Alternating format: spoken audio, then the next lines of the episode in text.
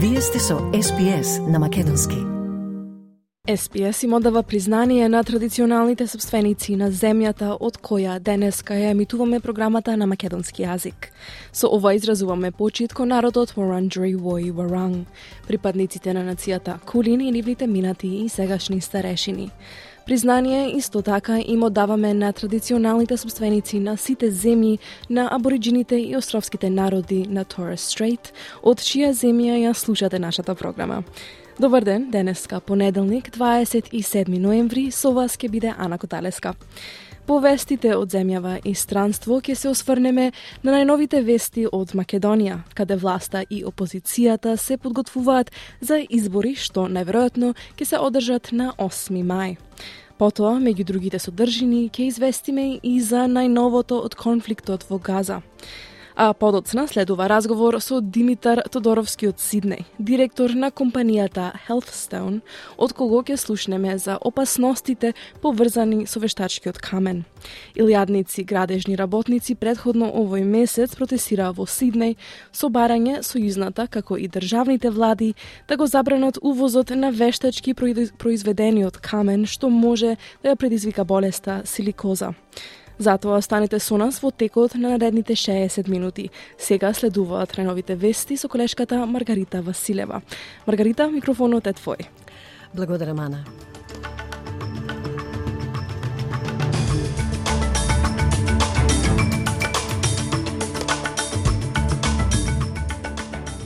Во денешниот билтен, третата група израелски заложници и палестински затвореници ослободени.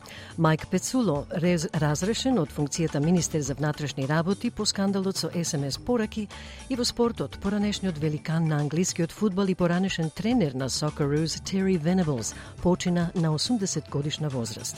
Слушајте не.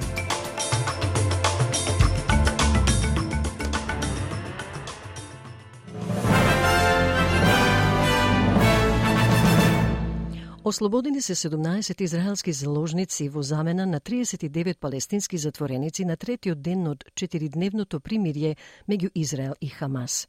Посредниците, предводени од Катар, вршат притисок за продолжување на прекинот на огнот. 4 годишно американско-израелско девојче Абигейл Иден е меѓу израелските заложници.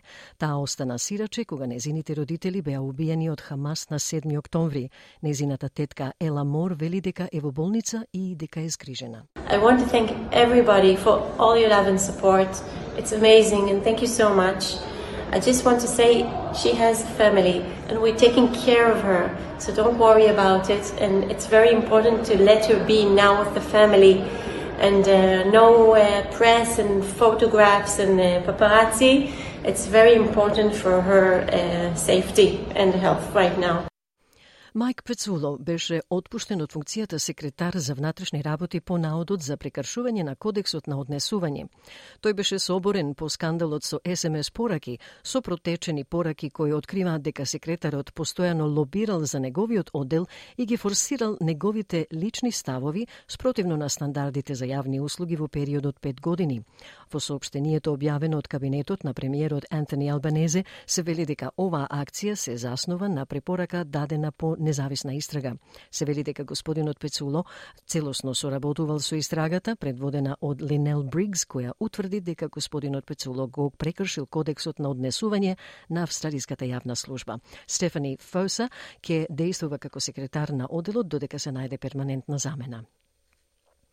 Лабористите и зелените обезбедија договор според кој стотици гигалитри вода во моментов се користат за земјоделство доделени за животната средина преку откуп на Комонвелтот низ басенот Мари Далинг. Договорот вклучува нов рок за враќање на водата во басенот Мари Далинг според планот за басенот вреден 13 милиарди долари, кој имаше за цел да врати 450 гигалитри вода во животната средина до јуни 2024. Рокот сега е одложен до крајот на 2027 година. Министерката за животна средина Тања Плиберсек ги објави клучните амандмани во замена за поддршката на зелените, кои вклучуваат подобрување на транспарентноста околу испораката на вода и обезбедување на луѓето од првите нации да играат посилна улога во донесувањето одлуки. Господјата Плиберсек вели дека амандманите го подобруваат законот и овозможуваат напредок во критично време. We know that as we go into another hot, dry spell, it is more critical than ever that we deliver fully on the Murray Darling Basin Plan. I'm very pleased to say today that Labor has been negotiating with the Greens Party and that we have agreed to a number of significant amendments to the Restoring Our Rivers Bill. Министерот за енергија и клима Крис Боуен ги повика зелените да не го оспоруваат кодексот на федералната влада за индустријата за плин во Сенатот.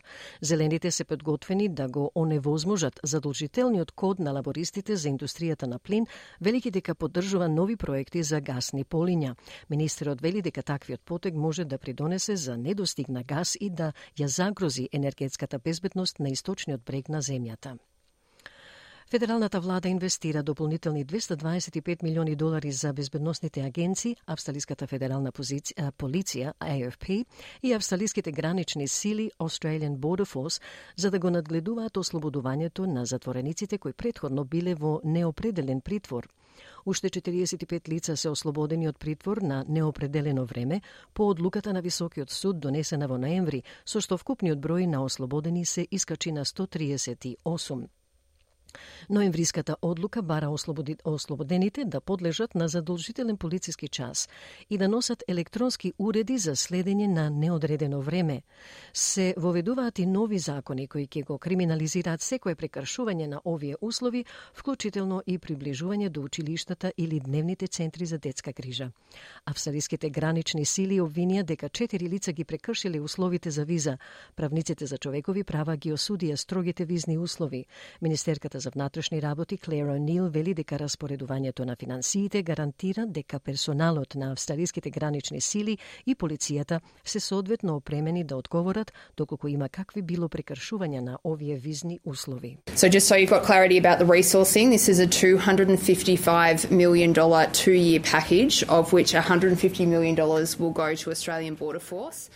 Портпаролот на либералите за имиграција и државјанство Дан Тиен вели дека се уште постои неизвестност околу тоа колку од поранешните затвореници се следени. So 255 million uh, doesn't clear up that uncertainty. What we need to hear from the government is how many of those 140 are being monitored, how many of them are wearing ankle bracelets. The community deserves to know these are hardened criminals, these include child sex offenders, and we are getting no information from the government. Последното истражување на Newspol, објавено во весникот The Australian, покажува дека поддршката за федералната влада опаднала, оставајќи ги лабористите и коалицијата врзани во однос на двупартиска предпочитана основа. Коалицијата води со 38 одсто во споредба со 31 одсто за лабористите. Лабористичката партија на премиерот Антони Албанезе победи на изборите во 2022 година со 32,6% врз основа на примарен глас. Поддршката за лабористите на примарното гласање падна за 4% поени, односно процентни поени во однос на предходната Newspol анкета, објавена пред три недели, додека поддршката за коалицијата се зголеми за 1 поен. Сенаторката од Тасманија, Джеки, за, Джеки Ламби за Nine Network изјави дека верува оти премиерот треба да стане реалист и да се фокусира на прашања кои се важни како што се трошоците за живот. You know, this week we're going to run the Senate and if we can't get everything through, they're going mm. to bring, talk about cost of living, they're going to bring the House back for a day next week. You can imagine that's hundreds of thousands of dollars in taxpayers' money and throw that fair in their face. So I suggest you you get your house in order. He's had all year to get important legislation through and he's trying to push it through in the last two weeks of the Senate sitting, which I find is absolutely shameful in itself. Анкетата исто така покажа зголемување за еден поен за зелените на 13%, зголемување за два поени во поддршката за помалите партии и категоријата независни на 12%, додека партијата One Nation остана стабилна на 6%. Повеќе од 100 демонстранти за климата ќе се појават пред судот, вклучително и 97 годишен свештеник и пет деца по блокадата на пристаништето на пристаништето во Ньюкасл на викендот. Групите почна наизменично да веслаат во бродската лента што го обслужува најголемото пристаниште за јаглен во светот во саботата наутро во акција планирана да трае 30 часа. Но како што помина 16 часот во неделата, означувајќи го крајот на полициската дозвола за протестот, голем број останаа во вода, очекувајќи хапсење. Уапсени се вкупно 109 лица, 49 мажи и 60 жени и 5 малолетни демонстранти. Власта и опозицијата се подготвуваат за избори што најверојатно ќе се одржат на 8 мај. За идната недела се најавува средба во Македонското собрание која треба да резултира со конечен договор за изборите и за измени во изборниот законик во согласност со препораките на ОПСЕ. Се поизвесна е и лидерска средба за изборите на почетокот на декември, но партиите не се откажуваат од своите ставови. ВМРО ДПМН не сака преодна, така наречена пржинска влада, што треба да ги организира и спроведе изборите, односно не сака дуи да го добие преодното премиерско место. Најголемата опозициона партија вчера повторно ја повика СДСМ да оди на изборите без техничка влада. Во пресред на изборите, лидерот на ВМРО ОДПМН Христијан Мицковски вчера на настан најави дека економијата ќе биде главна цел на партијата. Тој најави 1 милиарда евра или околу 250 милиони евра годишно од централниот буџет да бидат предвидени за капитални инвестиции во општините. Регистарот за исламофобија на Австралија забележа 13 кратно зголемување на стапките на известување од од избувнувањето на војната меѓу Израел и Хамас. Регистарот во просек има повеќе од 30 пријави неделно, меѓутоа извршниот директор Шарара Атај вели дека слушнале за низа инциденти кои не се пријавени. 227 инциденти доминатиот петок вклучуваат малтретирање на верниците во џами, плукање врз муслиманки и голем број случаи на вербална злоупотреба. Неоддамнешен случај вклучува христијански ученик во основно училиште во Западен Сиднеј, кој беше наречен терорист затоа што е палестинец. Инцидентот поттекна писмо до христијанските училишта во кое се повикуваат да се молат сите луѓе вовлечени во војната во Газа, без разлика дали се на израелска или палестинска страна. Поранешниот селектор на Англија и на Сокерус Терри Венеблс, почина на 80 годишна возраст по долго боледување. Поранешниот играч на Англија беше тренер на националниот тим до полуфиналето на Европското првенство во 1994 година, пред да стане селектор на Австралија, каде што играше кон крајот на кариерата за Canterbury Marrickville Olympic.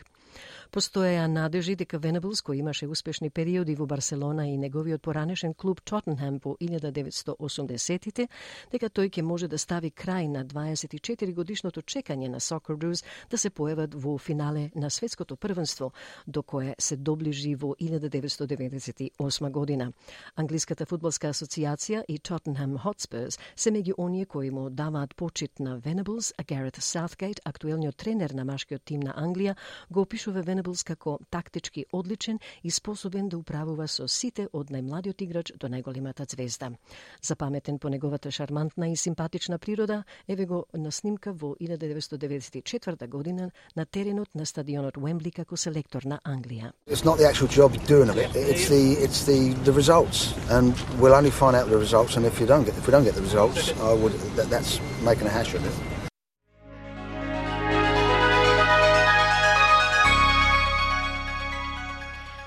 И од најновата кусна листа денеска еден австралиски долар се менува за 0,60 евра, за 0,65 американски долари и за 36,68 македонски денари.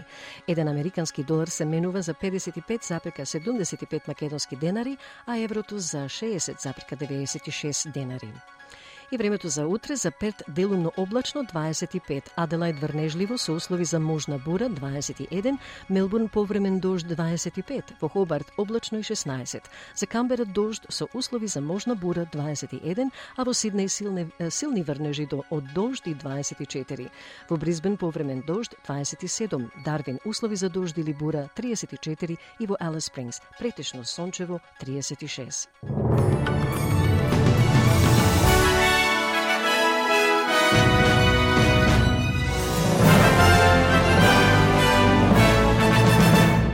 Благодарам Маргарита, тоа бе вестите на СПС на Македонски за 27 ноември со Маргарита Василева. Сега следуваат куси промотивни пораки, а потоа најновото од Македонија од изминатиот викенд. Слушајте не. На СПС на Македонски денеска 27 ноември 2023 година со ова се Ана Коталеска. Следува извештајот од Македонија во кој меѓу другото ќе слушнеме. Власта и опозицијата се подготвуваат за избори, што најверојатно ќе се одржат на 8 мај. Опозицијата не се согласува 100 дена пред изборите да има преодна влада и премиер Албанец. Владачката коалиција вели дека за овие избори доцна е да се разговара за укинување на правилото за преодна влада. И во саботата Македонија беше обелена со снег на некои места со покривка и до 20 сантиметри. Да слушнеме повеќе од нашиот редовен известувач од Македонија, колегата Бране Стефановски.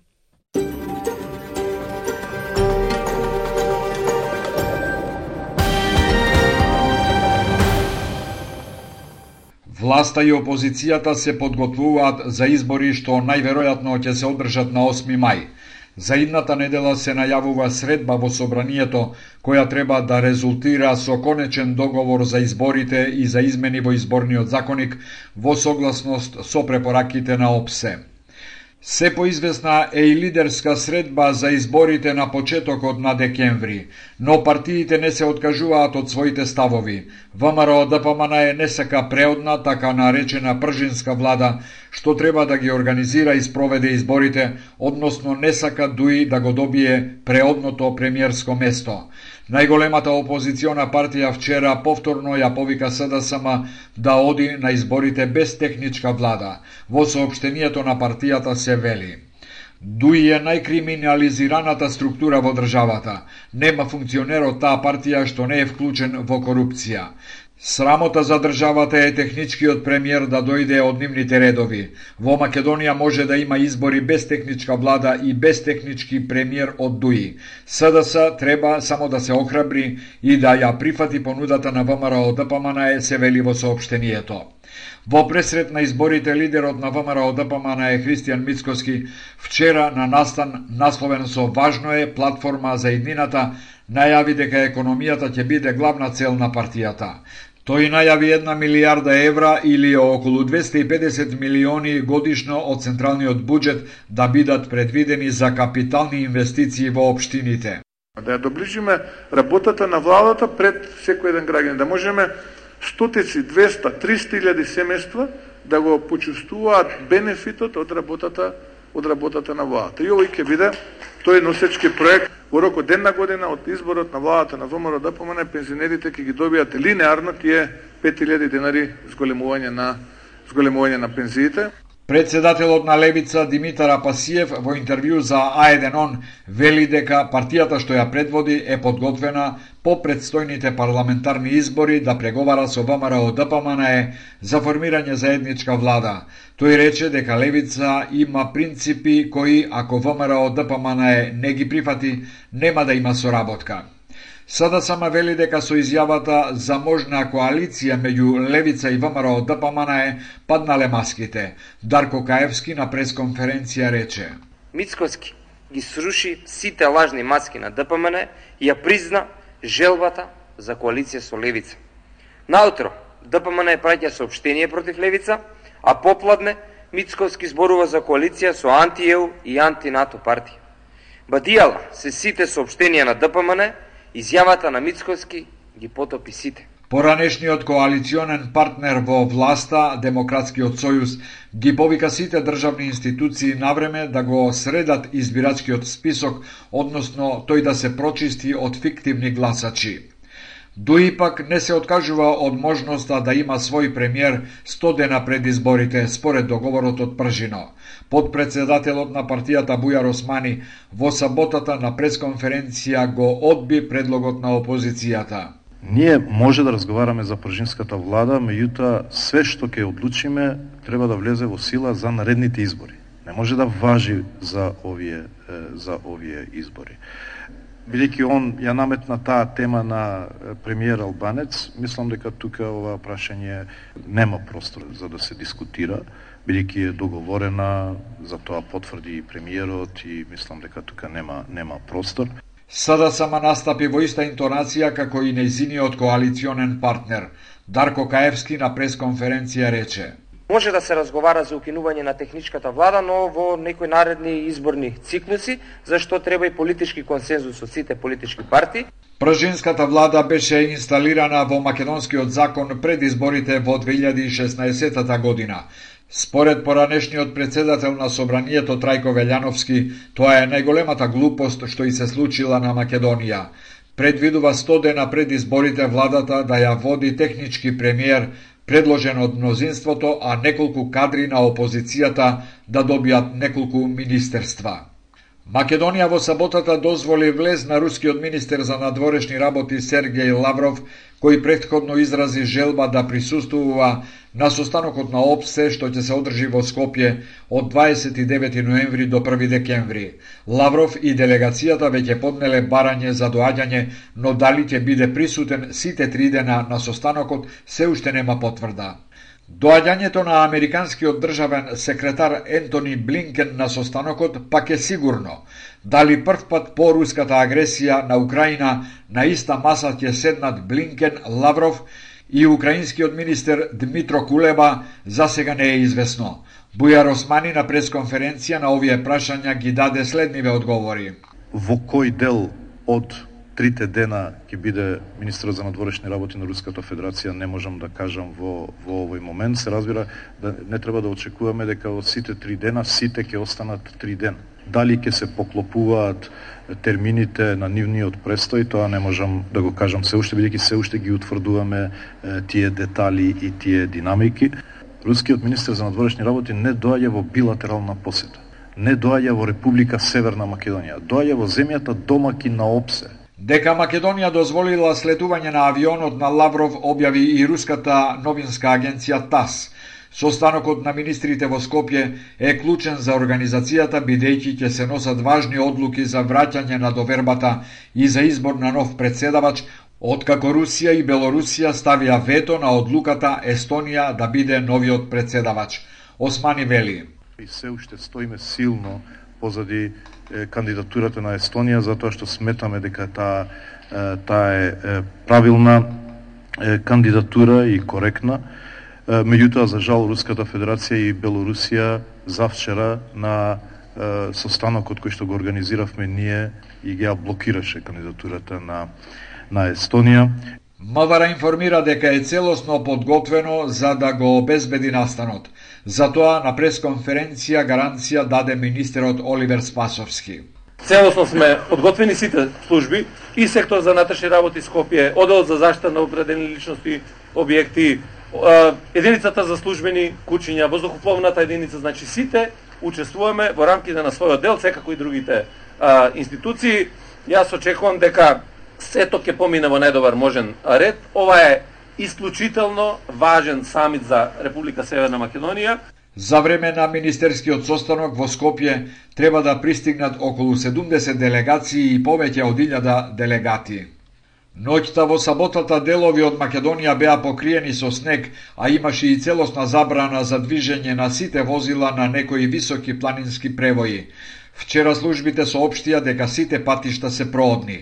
ВМРО ДПМН е преку писмена реакција до медиумите побара оставка од директорот на Македонија ПАТ Костадин Ацепски, обвинувајќи го дека не реагирал на време за да се расчистат патиштата. Ацепски засител рече дека ако другите алки во системот ја детектираат одговорноста во институцијата со која раководи, тогаш би си дал оставка веднаш поднесување на оставка само за задоволување на желбите на опозицијската партија или за дневно ситни политички поени, мислам дека во моментов не, а, не е нешто што би ја подобрило состојбата и во Македонија пат и во државата од аспект на одржувањето на патиштата и во зимски, па и во летни услови. Завчера граѓани со часови беа заглавени во своите автомобили, чекајќи да се одблокира сообраќајот за да стигнат до посакуваната дестинација. Македонија пат на располагање има 67 специјални возила за чистење снег, распоредени на 37 пунктови низ целата држава. Од нив 20 возила се стари над 5 години, а останатите се постари од 30 години.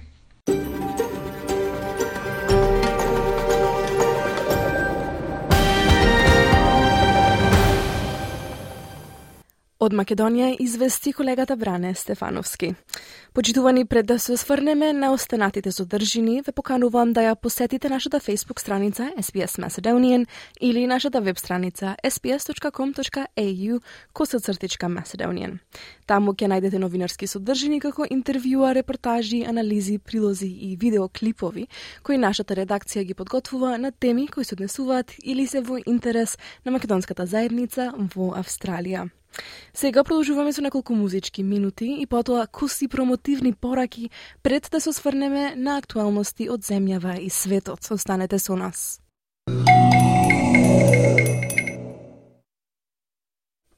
На СПС на Македонски, јас сум Ана Коталеска се чини дека проблемите со втората размена на заложници меѓу Хамас и Израел беа надминати благодарение на помош од Египет и Катар. Официјални лица од Газа велат дека неколку израелски заложници ќе бидат ослободени, а во меѓувреме Газа прими камиони со хуманитарна помош втор ден поред. Да слушнеме повеќе во наредниот прилог на Алекс Анифантис за SPS News.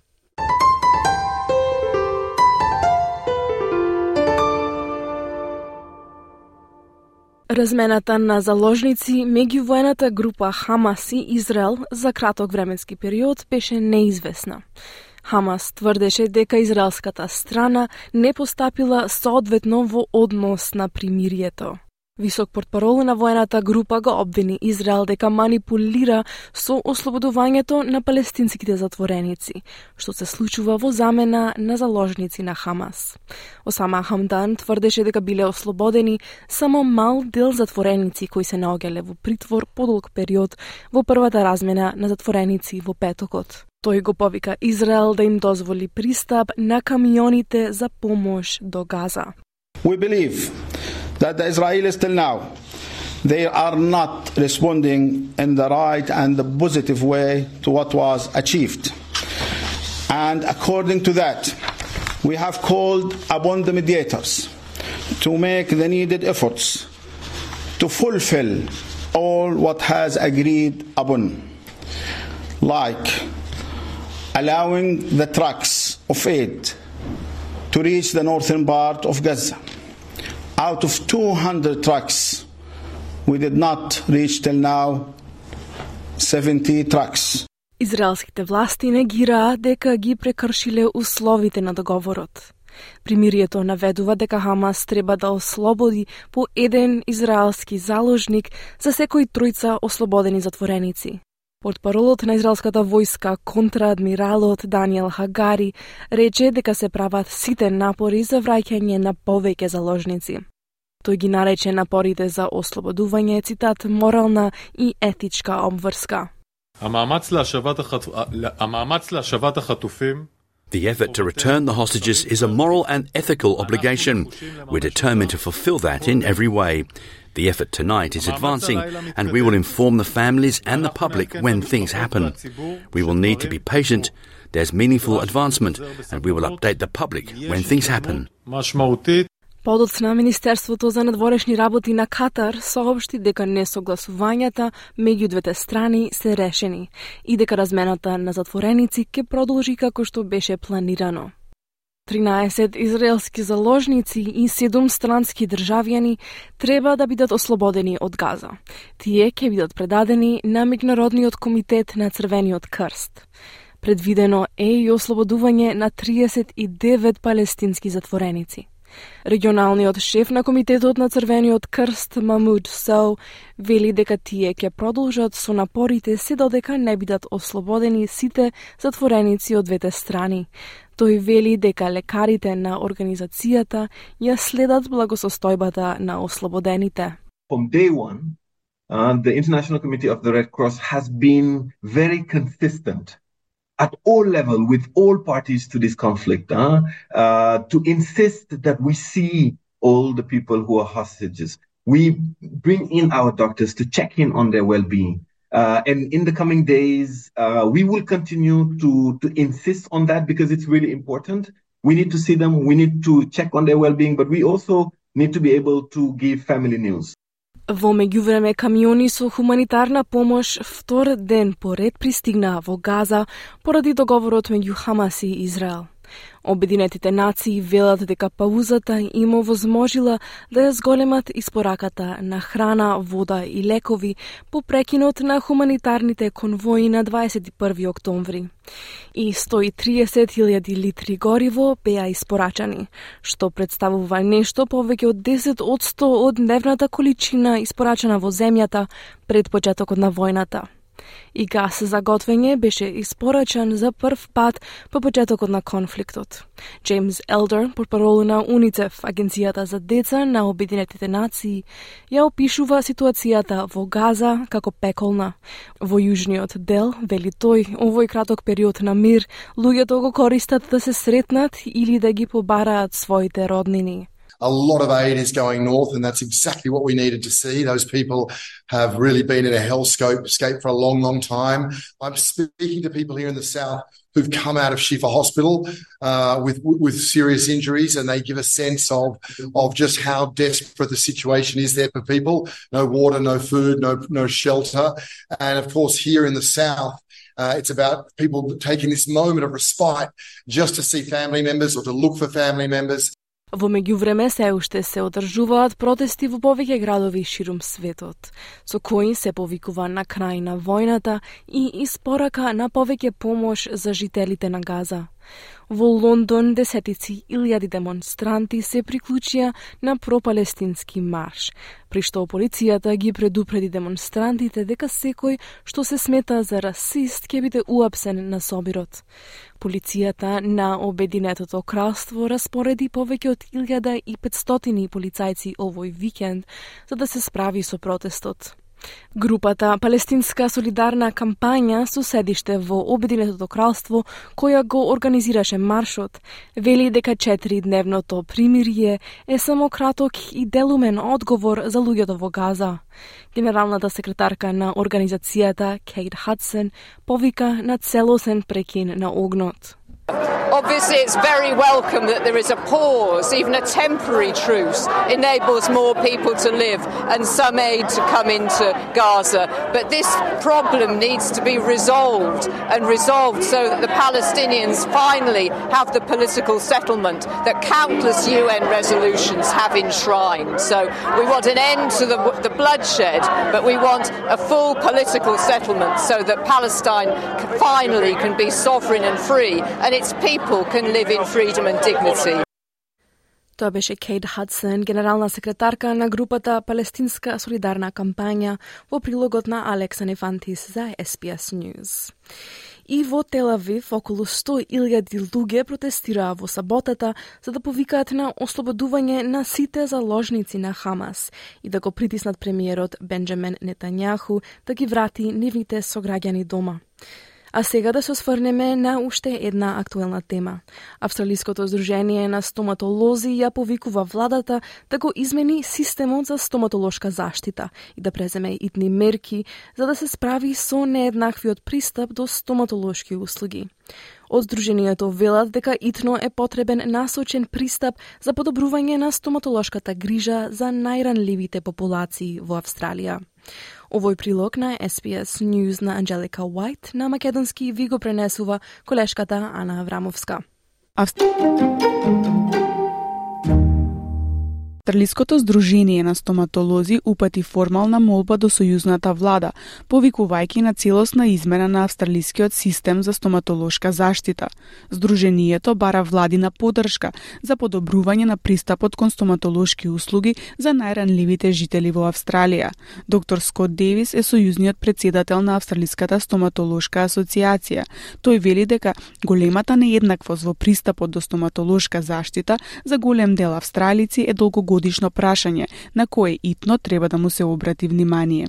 Australian dentists have, have long recognised there's a, an inadequate amount of funding for dental treatment for, in particular, disadvantaged groups or people with um, special needs, such as residential aged care, Aboriginal and Torres Strait Islanders. And of course, we need more public funding for disadvantaged Australians on low income. Истражувањето објавено од Австралиското здружение на стоматолози сугерира дека сегашниот систем за јавна стоматолошка заштита е недоволно финансиран.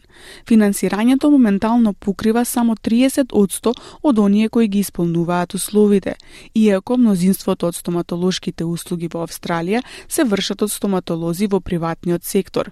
Високите цени на приватниот сектор оставаат огромни делови од населението без стоматолошка заштита. Доктор Лесли Расел од Центарот за здравствена политика Мензис ова го нарекува како голем дентален јаз и посочува кон проблемот објаснувајќи дека во Австралија може да дознаете многу за социоекономскиот статус на австралиците, каде живеат и какви се нивните способности да се вработат само по нивната насмевка. You can tell a lot about an Australian's socioeconomic status, where they live and their abilities uh, to to get a job by their smile. There are kids who don't even have a filling.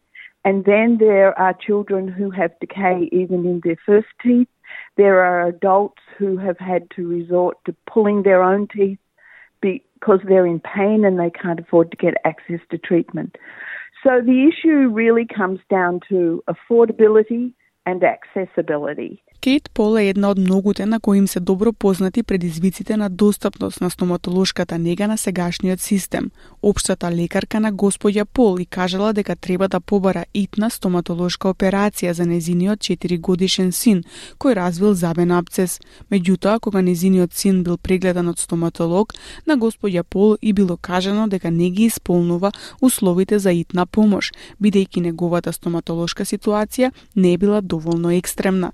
Според Според јавниот систем, времето на чекање би било најмалку 12 месеци, зашто господја Пол вели дека приватната стоматолошка заштита е единствената опција. You know, for us to wait 12 months, he's already got an abscess in the tooth. He'd already had a course of extremely strong antibiotics. We'd had um, X-rays done that showed that, and an ultrasound done that showed that the infection from his tooth was actually in the bone.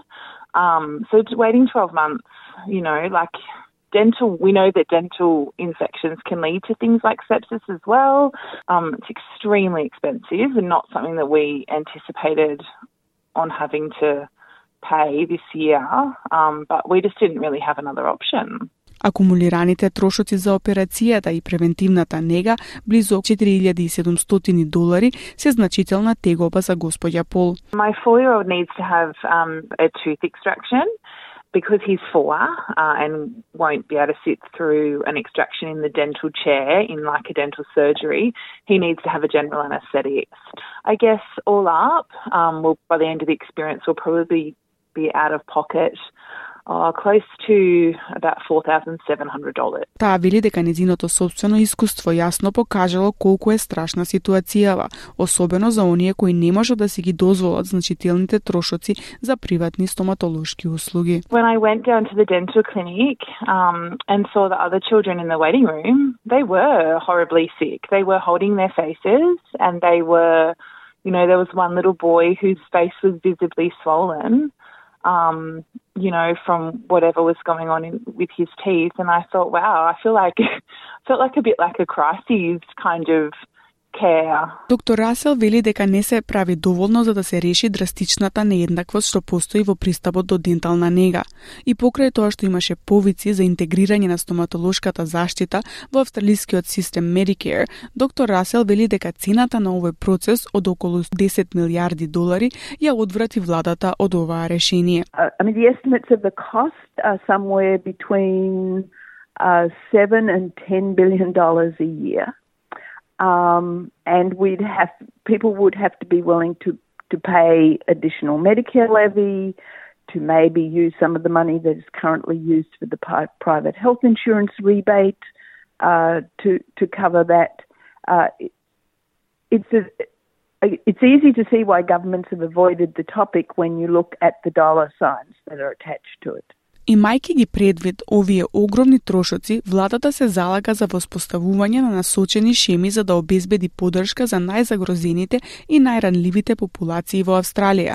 Доктор Девис вели дека Австралиското здружение на стоматолози предложило првата шема која ќе биде воведена да ги вклучува повозрасните популации, кои се едно од групите најранливи на лошото здравје на забите. The seniors dental benefit schedule really came to a fore after the Royal Commission into Aged Care, and we identified there are uh, particular Australians who have very poor oral health, and this is impacting significantly on their general health.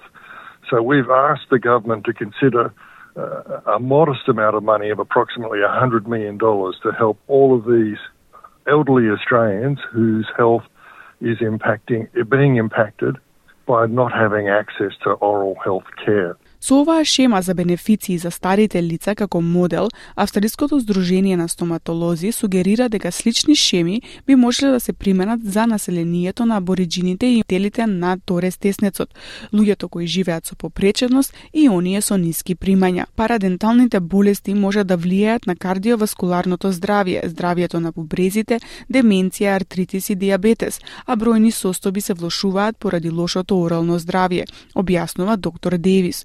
Тој исто така додава дека овие шеми драстично ќе го подобрат општото здравје, што на крајот долгорочно ќе ги намали владините трошоци. What's just not been understood or, or, or disseminated well is the significant impact that poor oral health has on general health. And uh, dentists will know that periodontal disease in, a, in particular can impact on cardiovascular health, kidney health, dementia, arthritis, diabetes, numerous conditions uh, exacerbated or made unstable by poor oral health. The government investing in, in supporting good oral health will actually reduce the disease burden of the community as a whole. Во моментот е во тек истрагата на Сенатот за пристап до стоматолошки услуги во Австралија, а својот извештај Сенатот треба да го предаде во февруари. Доктор Девис вели дека се надева дека наудите од оваа истрага ќе ја потигнат многу потребната владина акција. What's important is they'll be able to highlight these uh, needs and hopefully educate the, the government members as to how important it is to address these very uh, significant challenges that the Australian community faces in particular those people who are disadvantaged and, and just financially can't afford uh, to pay for private care themselves.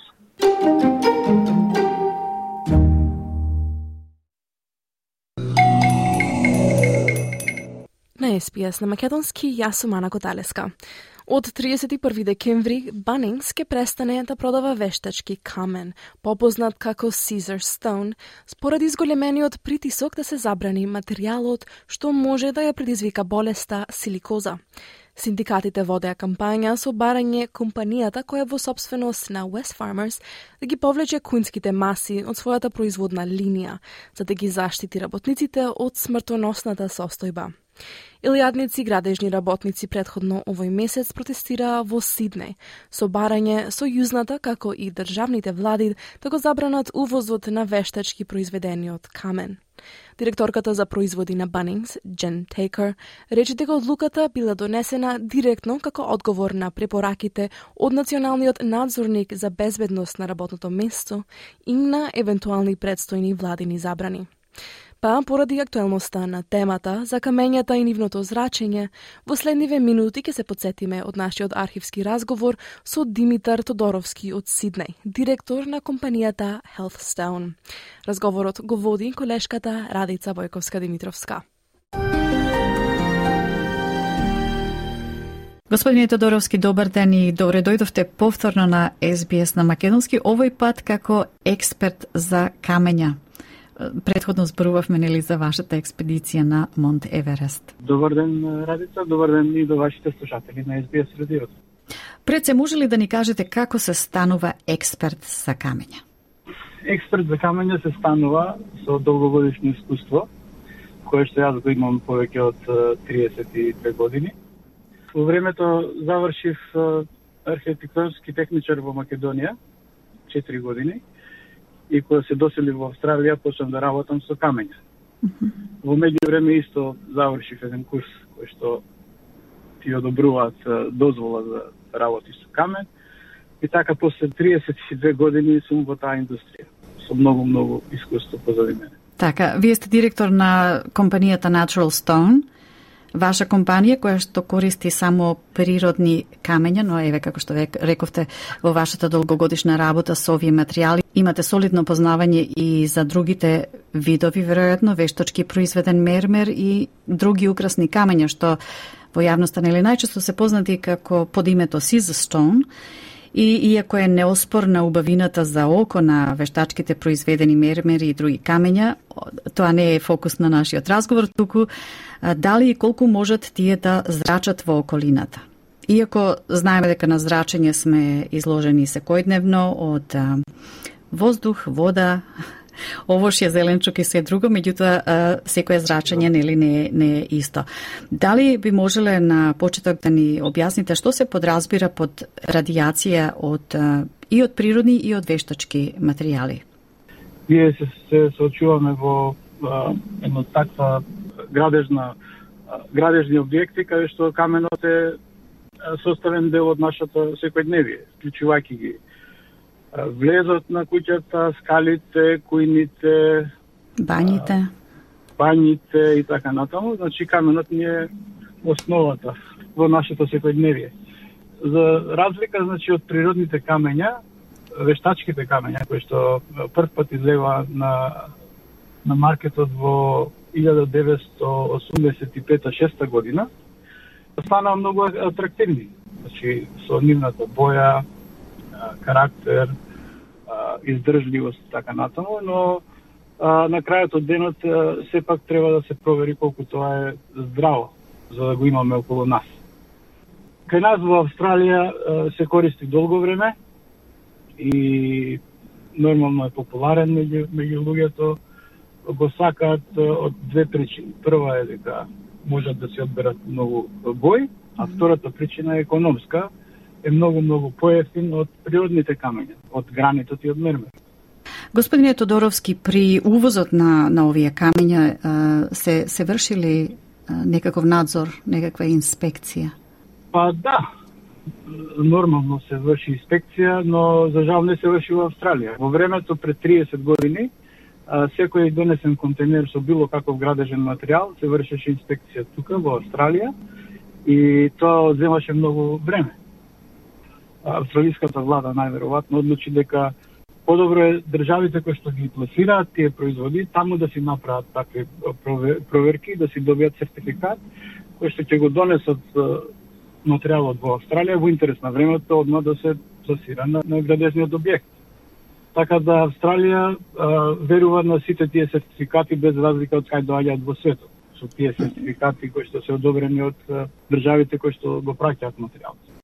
Од Македонија увезувате ли мермер? За жал, се уште не. А, имаше неколку контейнери донесено во минатото и сето тоа многу брзо се продаде, но како што оди пазарот, нели, треба да видиме луѓето што што бараат на пазарот. За да се пробие македонскиот мермер, како и секој производ, треба да има реклама. Mm -hmm. македонската држава и македонските бизнисмени кои што се во таа индустрија треба да се свесни како тоа да го направат, нели? Сега ние стоиме на разполагање кој што сме во, во таа индустрија да им помогнеме. На неколку наврати имаше и нивно присуство тука во Австралија, но за жал не допринесе нешто поголемо да се направи околу тоа. Господине Тодоровски, според вашето долгогодишно искуство со клиенти, дали имате впечаток дека луѓето воопшто се информирани во врска со зрачење на, на камењата? Од моето искуство кое што постојано сум со моите клиенти, воопшто немаат познавање од радиацијата, затоа што не се соочуваат секој ден. Значи, луѓето градат една до две куќи во животот и може би ќе сменат две-три кујни во во нивното реновирање во кујните, така да не се воопшто информирани mm -hmm. во однос на радиацијата. А како го мерите зрачењето? Јас имам земено специјален инструмент кој што ги мери микро честичките, би рекол по македонски, се мерат со 1000, 2, 3000 и така натаму. Тоа се алфа, бета и гама зраците, mm -hmm. кои што со обично око не се гледаат, а ние ги живееме во секојдневието. Ги има и во асфалтот, ги има и во цементото и преку годината, значи, ние сме постојано инволвирани во, во некое зрачење. Со, нели, со, да кажам, минимално зрачење. Но имате камења кои што имаат многу зрачење, нели? Може ли да ни кажете да каква колкава разлика има во степенот на зрачење кај природните камени материјали со кои што вие исклучително исклучиво работите, нели со природни е, камења? Има ли има ли разлика меѓу разните видови мермер или гранитот, лаймстон? Па има разлика. Можам да кажам дека лаймстонот кој што ние го, го викаме варовник во, во Македонија, uh -huh. е најраспространет и кај нас се изградени скоро сите стари куќи со тој материјал, сите цркви, сите манастири се изградени со варовник и тоа е најздрав камен. Значи има најминимална радиација. Потоа би го пофалил при лепскиот мермер, кој што јас го имам како материјал и нормално дека сум го, го имам проверено и исто така има многу мала радиација и е здрав камен, нели по македонски.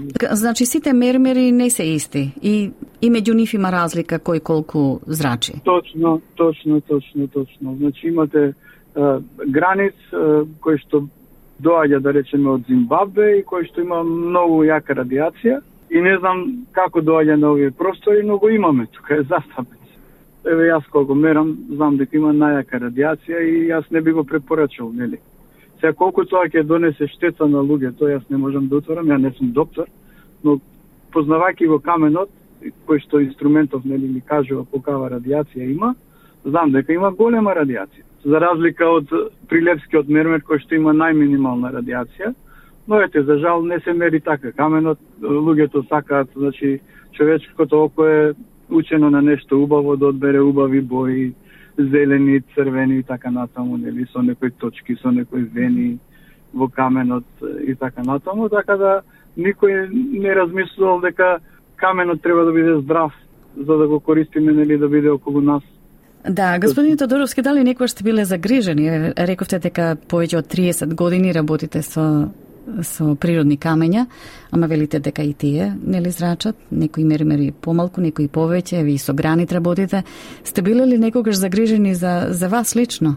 Па секако, нели. Јас пробувам сите заштитни мерки да си ги преземам и ако нешто излезе ново, нормално јас mm -hmm.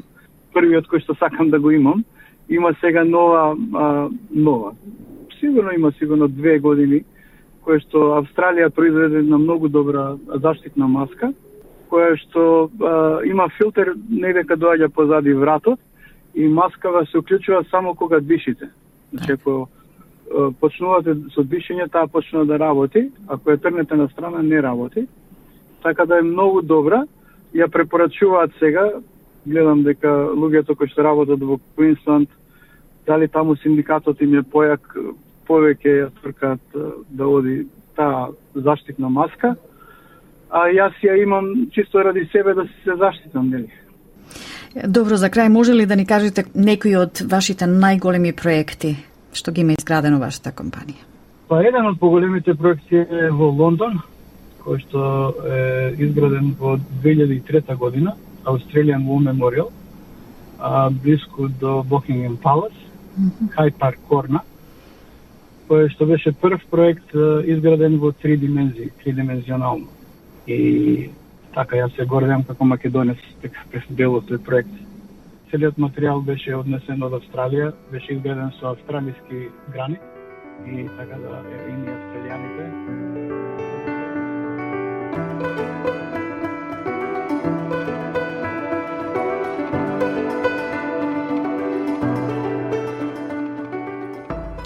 Тоа беше Димитар Тодоровски од Сиднеј, директор на компанијата Healthstone во разговорот на Радица Бојковска Димитровска. Благодарам што бевте со нас во изминатиот час, во очекуваме и утре во ист термин. А во меѓувреме за избор, избор прилози разговори, посетете не на sps.com.au косацртичка Macedonian и на нашата Facebook страница SPS Macedonian, каде можете да оставите и ваш коментар доколку сакате под голем број содржини. Од Ана Коталеска, пријатно попладне. Сакате ли да чуете повеќе прилози како овој? Слушате подкаст преку Apple Podcasts, Google Podcasts, Spotify или од каде и да ги добивате вашите подкасти.